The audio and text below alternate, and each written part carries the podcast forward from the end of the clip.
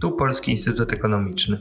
W naszym podcaście komentujemy dane, przewidujemy trendy i rozmawiamy o sprawach istotnych dla światowej gospodarki. W dzisiejszym odcinku porozmawiam o konsekwencjach niedawnych wyborów do Bundestagu z profesorem Sebastianem Płóciennikiem, analitykiem Ośrodka Studiów Wschodnich specjalizującym się w gospodarce niemieckiej oraz integracji gospodarczej w Unii Europejskiej. Nazywam się Jan Strzelecki i zapraszam do słuchania.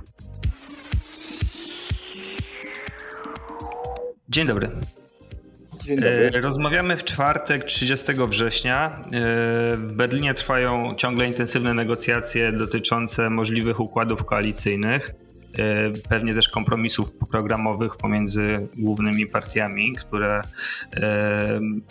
układają się w sprawie przyszłego, przyszłych rządów. E, nie da się tego wszystkiego zupełnie zostawić z boku, bo one będą, tak ewentualne układy będą determinowały niemiecką politykę, ale chciałbym, żebyśmy dzisiaj skupili się przede wszystkim na kwestiach e, gospodarczych, ponieważ wybory wygrała socjaldemokratyczna SDP, e, obiecując postawienie większy nacisk na kwestie społeczne.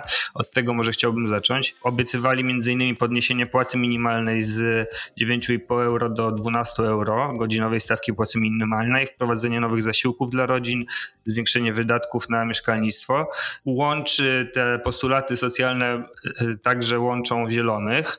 W związku z tym chciałem zapytać pana przede wszystkim o taką opinię, czy to zwycięstwo SDP i to bardzo wyraźne akcentowanie postulatów socjalnych e, zapowiada odejście od restrykcyjnej polityki fiskalnej, e, w tym jednym z najbardziej konserwatywnych, jeżeli chodzi o dyscyplinę budżetową państw Unii Europejskiej. Bardzo ciekawe pytanie, e, tym bardziej, że no, SPD jest zwycięzcą wyborów, ale pamiętajmy, że jest takim zwycięzcą dość skromnym bo dzieli ją od HDC zaledwie 1,5%, troszkę więcej niż 1,5%. To jest, to jest jedna sprawa. A druga sprawa to to, że właściwie rozmowy koalicyjne y, nie zostały zainicjowane przez y, SPD, tylko najpierw do stołu usiedli socjaldemokraci, yy, znaczy najpierw do stołu usiedli liberałowie i zieloni. Mhm.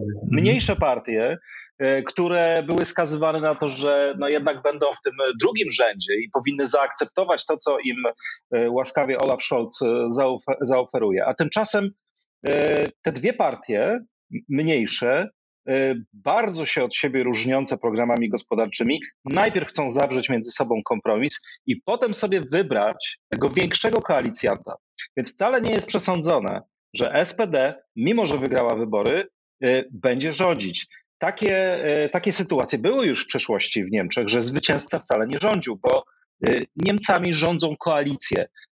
A tym razem ta koalicja będzie wyjątkowo szeroka, bo będzie obejmowała aż trzy partie tylko scenariusz wielkiej koalicji, który w tej chwili jest uznawany za skrajny i mało prawdopodobny, czyli powrót właściwie do tego, co mamy teraz i mieliśmy przez ostatnie lata. No ale mało kto, mało kto uznaje, że jest to scenariusz e, realistyczny. Ale dobrze, no to trzymajmy się jakiegoś, przyjmijmy jakiś jeden, który będzie, e, scenariusz, który będzie powiedzmy osią naszych rozważań. Ten, który, jak rozumiem w mainstreamie e, analityków zajmujących się niemiecką sceną polityczną uznawany jest za najbardziej prawdopodobny, czyli trójpartyjna koalicja SPD, Zielonych i Liberałów. Wrócę jeszcze raz do, do pytania o te kwestie fiskalne. Czy kompromis programowy w takiej koalicji y, może oznaczać, że Niemcy troszkę zejdą z tej ścieżki bardzo restrykcyjnej y, polityki fiskalnej, ponieważ no, takie głosy mm, o konieczności takiego odejścia no, pojawiają się w, w niemieckiej polityce od jakiegoś czasu. Mm jest też taki moment postpandemiczny, kiedy właściwie te, te zasady zostały jakoś w jakiś sposób zawieszone i pytanie, czy do nich wracać, czy nie, jak w tej chwili rozkłada się e, no, ten podział, podział stanowisk w, wśród tych głównych partii i w ewentualnym, w ewentualnym rządzie, tak, tak, e, który tak możemy sobie wyobrażać mhm. dzisiaj. Dobrze, dobrze, więc e, spójrzmy rzeczywiście na ten scenariusz koalicji tak zwanych świateł drogowych, czyli socjaldemokraci, liberałowie i zieloni. Więc jeżeli chodzi o socjaldemokratów. Oni, e, oni oczywiście chcą większych wydatków e, e, socjalnych, większych wydatków inwestycyjnych, ale paradoksalnie mają do, do hamulca długu i w ogóle do polityki czarnego zera taki no, niejednoznaczny stosunek. To wynika trochę z tego, że Olaf Scholz był ministrem finansów i trudno mu się odciąć od polityki poprzednich lat. On będzie bronił stabilnego, stabilnych finansów publicznych i to też powiedział na przykład na forum Unii Europejskiej krajom południa, że nie zgodzi się na zbyt daleko idące e, reformy reguł fiskalnych, które przecież też trzeba łączyć z tym, z tym e, zagadnieniem. Więc socjaldemokraci moim zdaniem w tej chwili raczej woleliby sfinansować wyższe wydatki wyższymi podatkami niż poluzowaniem dyscypliny fiskalnej. Jeżeli chodzi o pozostałe dwie partie, liberałowie FDP są bardzo radykalni. Oni, oni nie chcą e, luzowania dyscypliny budżetowej, chcą jak najszybszego powrotu do polityki e, czarnego zera, utrzymania oczywiście tej konstytucyjnej kotwicy e, budżetowej. No i cóż, tu w, tym, w tej kwestii zderzają się z zielonymi, którzy no, mają takie stanowisko właściwie na antypodach tego, co, co proponują, proponują liberałowie. Chcieliby poluzować regułę fiskalną, odwołują się do opinii wielu ekonomistów, że właściwie no, taka tak skonstruowana dyscyplina finansowa jest po prostu szkodliwa i dla Niemców niebezpieczna, bo przez tyle lat ograniczali wydatki inwestycyjne, mają zapóźnienia w cyfryzacji, w transformacji energetycznej. Można nawet powiedzieć, że e, ta powściągliwość finansowa zaszkodziła systemu bankowe, systemowi bankowemu, ponieważ e, stopy procentowe zostały dodatkowo jeszcze obniżone przez tą powściągliwość rządu.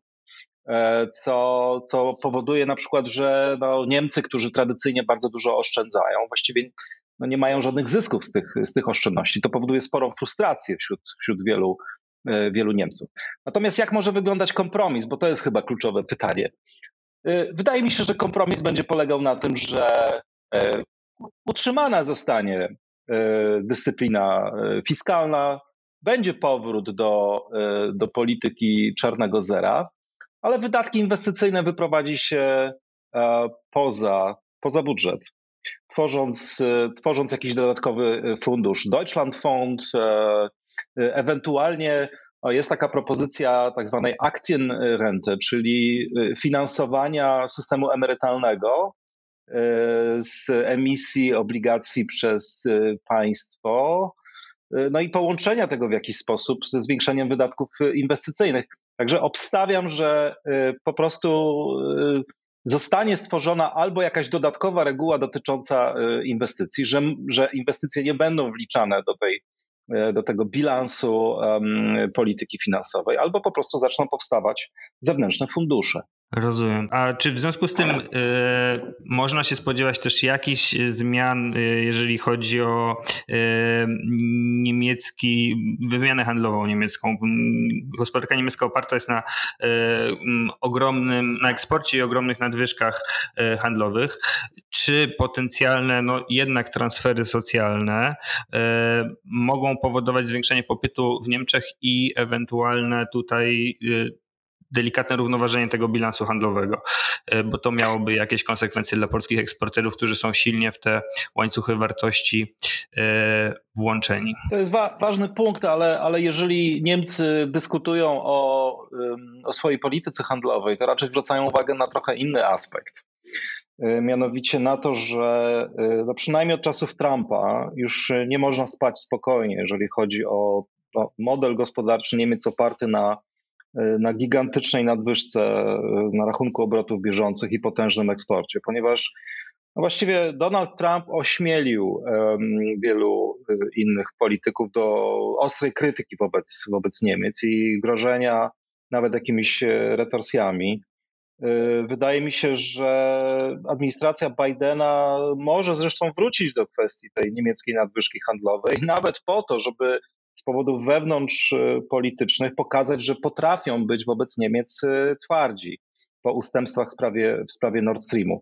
Także Niemcy dyskutują bardzo intensywnie, czy w, tej, y, w tych warunkach no, bardziej szorstkiej, nieprzewidywalnej globalizacji, gdzie powstają bloki regionalne, które będą jednak ze sobą konkurować, E, czy to nie jest dobry moment, by, by faktycznie porzucić tą e, politykę nadwyżek e, na rachunku obrotów bieżących i wydawać więcej u siebie?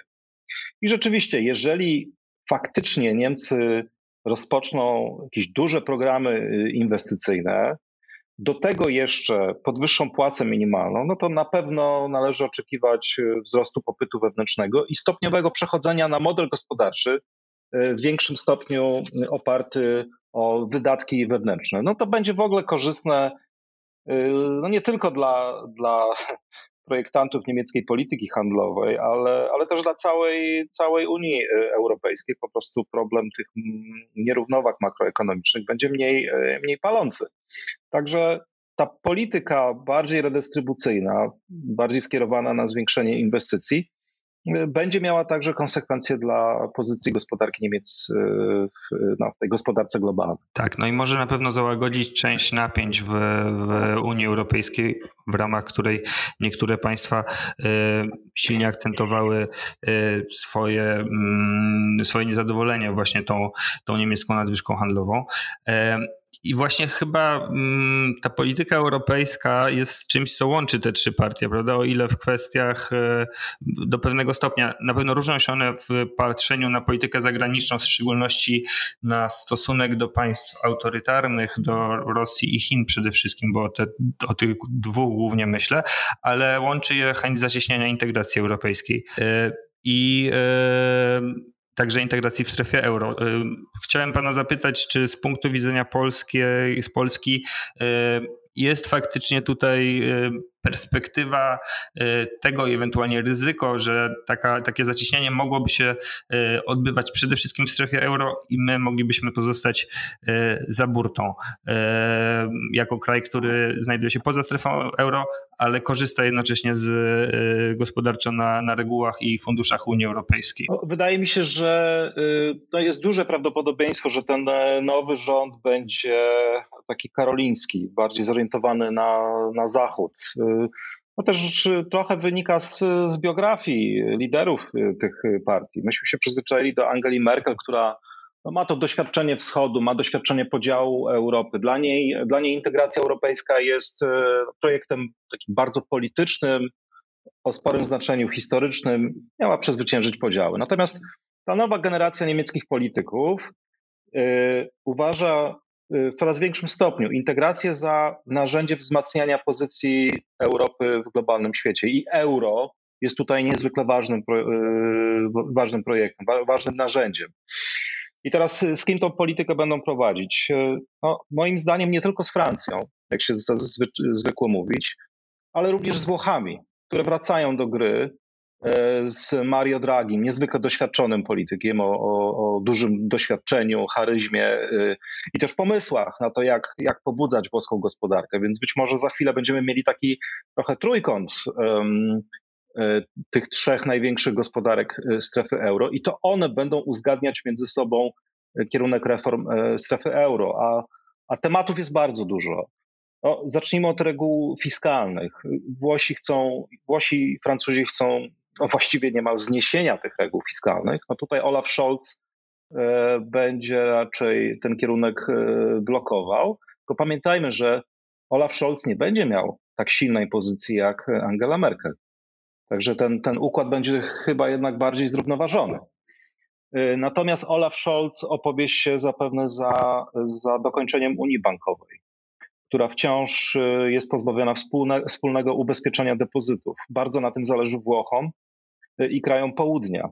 Więc tutaj wydaje mi się, że należy oczekiwać, że w ciągu roku, dwóch zostanie zawarty jakiś kompromis. Faktycznie będziemy mieli już E, no, w pełni urządzoną e, Unię Bankową dla, e, dla państw strefy euro. Kontrowersje będą też dotyczyć tego, czym ma być właściwie fundusz następne pokolenie. Bo Włosi i Francuzi chcieliby oczywiście no, uczynienia z tego funduszu takiego permanentnego narzędzia. Czyli on ma po prostu stale funkcjonować, ma być finansowany z emisji obligacji, y, ze wspólnych podatków. Natomiast Niemcy jednak cały czas y, y, uważają, znaczy mówię o tym mainstreamie SPD, Hadecja, że to powinien być jednorazowy, jednorazowy instrument i FDP, czyli liberałowie, także podkreśla podkreśla ten no, raczej restrykcyjny, ograniczony charakter tego, tego instrumentu. Natomiast wydaje mi się, że kompromis, kompromis tutaj także zostanie zawarty. Na przykład no, zostawiamy tą, tą ramę instytucjonalną funduszu następne pokolenia, ale jego jej otwieranie, jej używanie jest uzależniane od decyzji politycznych podejmowanych w Radzie. No tutaj nie jeden raz widzieliśmy niesamowite y, akrobacje instytucjonalne i polityczne i wydaje mi się, że w tym wypadku też to może po prostu zadziałać. A kwestia mm, bardzo dyskutowana w ostatnich miesiącach y, w Brukseli, czyli tak zwana autonomia strategiczna Unii Europejskiej. Nie chodzi mi o ten wymiar bezpieczeństwa twardego militarnego, którym no też, też mielibyśmy pewnie o czym rozmawiać, ale, ale bardziej o ten wymiar gospodarczy czy uniezależniania się przede wszystkim od, od dostaw e, w krytycznych, e, w krytycznych e, surowców, od dostaw od monopolistów. Czy tutaj te partie, które prawdopodobnie będą tworzyć ten, ten rząd, właśnie mają, mają jakieś jednoznaczne stanowisko, czy wyniki wyborów wpłyną na kształt tej dyskusji? Wydaje mi się, że po tych, po tych rządach na pewno należy oczekiwać dość aktywnej polityki przemysłowej. I ona obejmuje także no, wsparcie europejskiego przemysłu, tak żeby nie był aż tak bardzo zależny od y, dostawców zewnętrznych. No, pandemia i jej podażowe problemy pokazały, że tu niekoniecznie musi od razu chodzić o politykę, y, tylko po prostu o kryzysy importowane z innych regionów świata. Coraz częściej mówi się też o tym, że no, te problemy podażowe są no, oczywiście z jednej strony jakoś wynikają z, z transportu, z dezorganizacji transportu, ale także z coraz poważniejszego kryzysu energetycznego, na przykład w Chinach. Y, coraz poważniejszych problemów w tym zakresie. W związku z tym autonomia strategiczna y, ma być y, narzędziem nie tyle no, jakiejś, jakiejś agresywnej polityki handlowej, inwestycyjnej, tylko po prostu zabezpieczenia globalnych interesów europejskich koncernów. I oczywiście te partie będą podchodziły do tego trochę z, z, z innej perspektywy.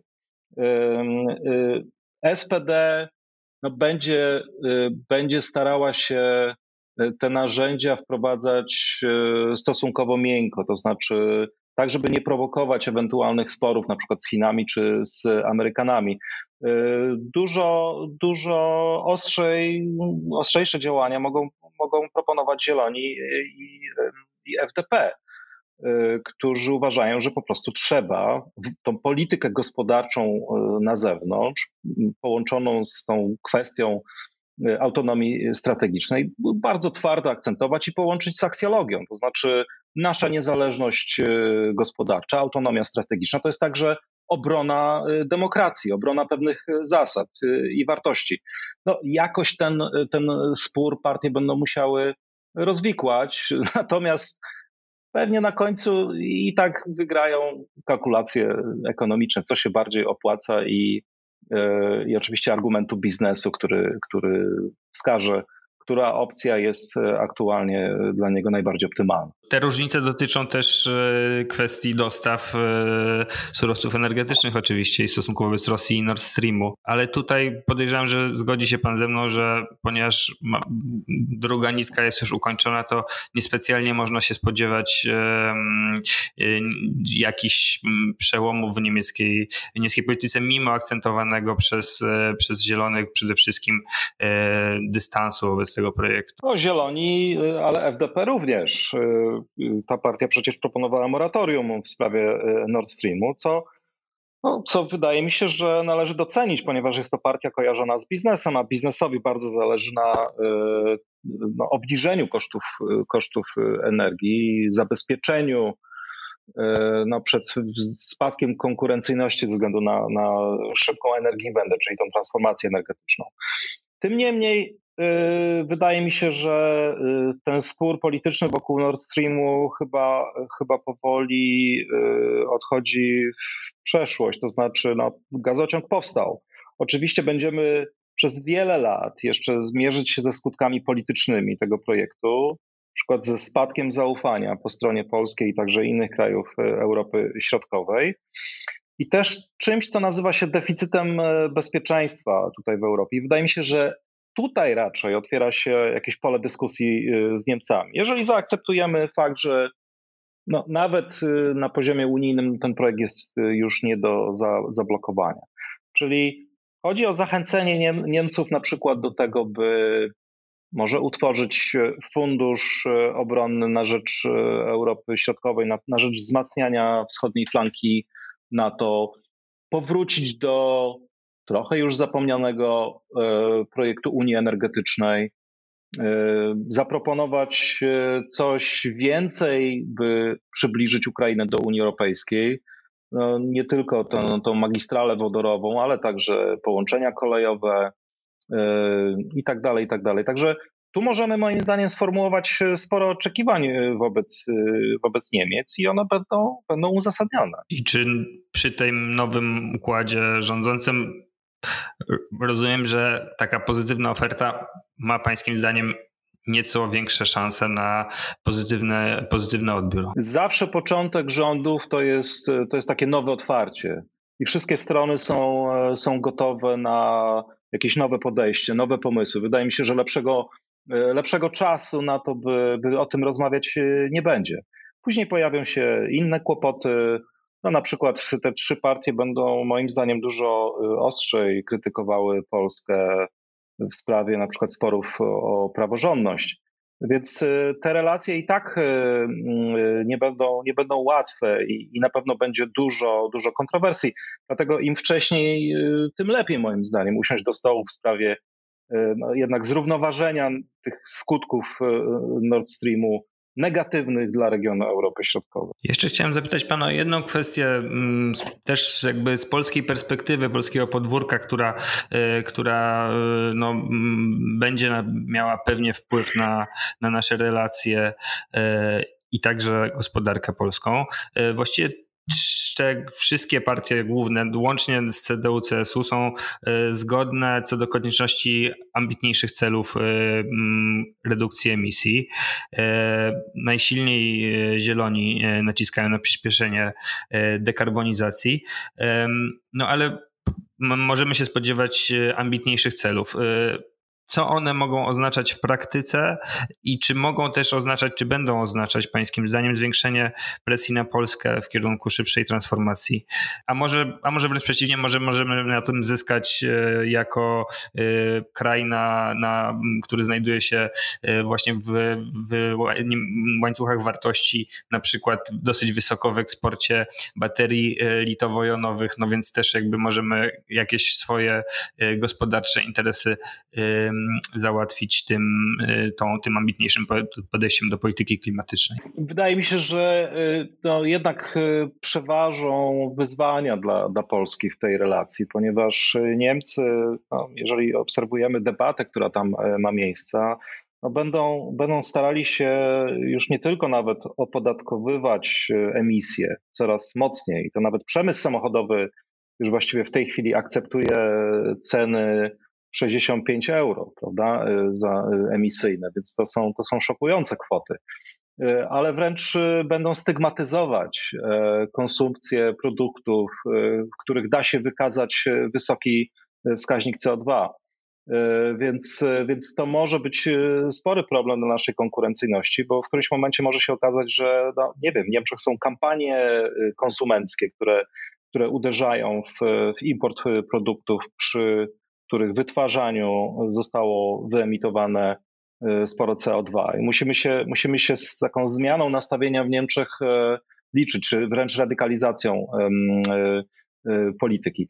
Natomiast wydaje mi się, że właśnie to nowe otwarcie jest też, jest też okazją, by no jednak zwrócić uwagę partnerom niemieckim na to, że transformacja energetyczna w takim kraju jak Polska to są gigantyczne koszty społeczne, że, że no trudno wyobrazić sobie, no, jakieś radykalne przyspieszenie tej transformacji. Tu pewnym ostrzeżeniem y, jest to, co działo się we Francji, czy przy protestach żółtych, tak zwanych żółtych, y, żółtych kamizelek. Poza tym jest jeszcze jeden aspekt, który trzeba podnosić. To znaczy, mm, Niemcy mogą wybrać bardzo radykalną ścieżkę transformacji energetycznej z bardzo wysoką ceną emisji i także nawet przeforsować to w Unii Europejskiej. Tylko, że problem polega na tym, że nie wszyscy na świecie mogą podążyć tym, tym śladem i w tym momencie będziemy mieli sytuację, która zagraża także interesom gospodarczym Niemiec, to znaczy spadek cen węglowodorów na rynkach globalnych, z czego skorzystają na przykład takie państwa jak, jak Chiny, no konkurenci po prostu Unii Europejskiej, także Niemiec na rynku, na rynku globalnym. Prawda? Więc Niemcy muszą się z tym liczyć i sądzę, że to oznacza konieczność e, tworzenia na poziomie globalnym takich klubów niskoemisyjnych. Niemcy prawdopodobnie bardzo zaangażują się w kolejnych latach, by przekonywać pozaeuropejskich partnerów do takich wspólnych działań. Y, to też może być dla nas wyzwanie, bo na przykład, jeżeli Rosja zgodzi się na takie współdziałanie, to na pewno nie za darmo, y, tylko za cenę pewnych ustępstw politycznych. Tak samo Chiny. Więc naprawdę ta, ta polityka klimatyczna może może mieć dla nas o wiele dalej idące konsekwencje niż nam to się wydaje na pierwszy rzut oka, że to jest przede wszystkim presja tylko i wyłącznie na, na polską produkcję energii elektrycznej. Na koniec chciałem zapytać jeszcze pana o jedno, czy pokusiłby się pan na określenie jakiegoś horyzontu y, czasowego, kiedy możemy y, spodziewać się y, jakichś przełomów w tych negocjacjach, które w tym niemieckim, w niemieckiej kulturze politycznej oczywiście są bardzo ważnym elementem, są rozciągnięte w czasie i wiemy, że potrafią trwać bardzo długo. Kiedy możemy spodziewać się jakiś, jakiegoś właśnie określenia składu rządu? Zaryzykuję, że jeżeli mm, tym e, scenariuszem bazowym, podstawowym będzie koalicja SPD, Zieloni i Liberałowie, to ona powstanie szybko. Ponieważ też politycy tych partii chcą wysłać taki sygnał, że no, my chcemy zmieniać Niemcy.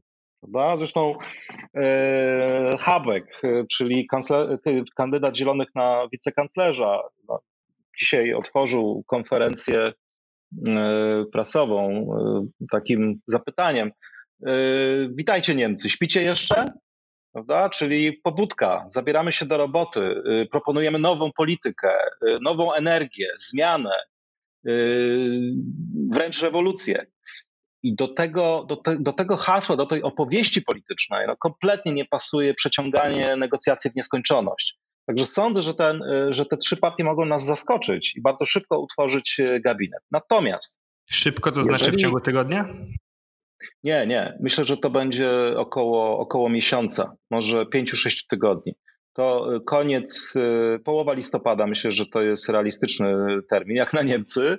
Mhm. E, natomiast jeżeli, jeżeli to będą e, Hadecy, prawda, jako partia, która która ma y, być tą najsilniejszą, najsilniejszym partnerem koalicji, to wydaje mi się, że y, no już pomijając to, że oni przystąpią do negocjacji później, dopiero gdy no, upadnie scenariusz koalicji kierowanej przez SPD, że oni będą zwracali uwagę na czynnik taki trochę pozapolityczny, znaczy poza, pozaekonomiczny czy, czy pozakoalicyjny, mianowicie, że jeżeli Angela Merkel do 17 grudnia zostanie kanclerzem, to będzie najdłużej y, rządzącym y, kanclerzem czy kanclerką w historii, w historii Niemiec. I nie sądzę, by Hadecy zdecydowali się odebrać jej ten przywilej. I wtedy koalicja być może powstałaby przed świętami, e, no ale nie wcześniej niż 17 grudnia. Piękna symbolika. Bardzo panu dziękuję. W dzisiejszym podcaście PIE gościem był profesor Sebastian Płóciennik z Ośrodka Studiów Wschodnich. Dziękuję bardzo.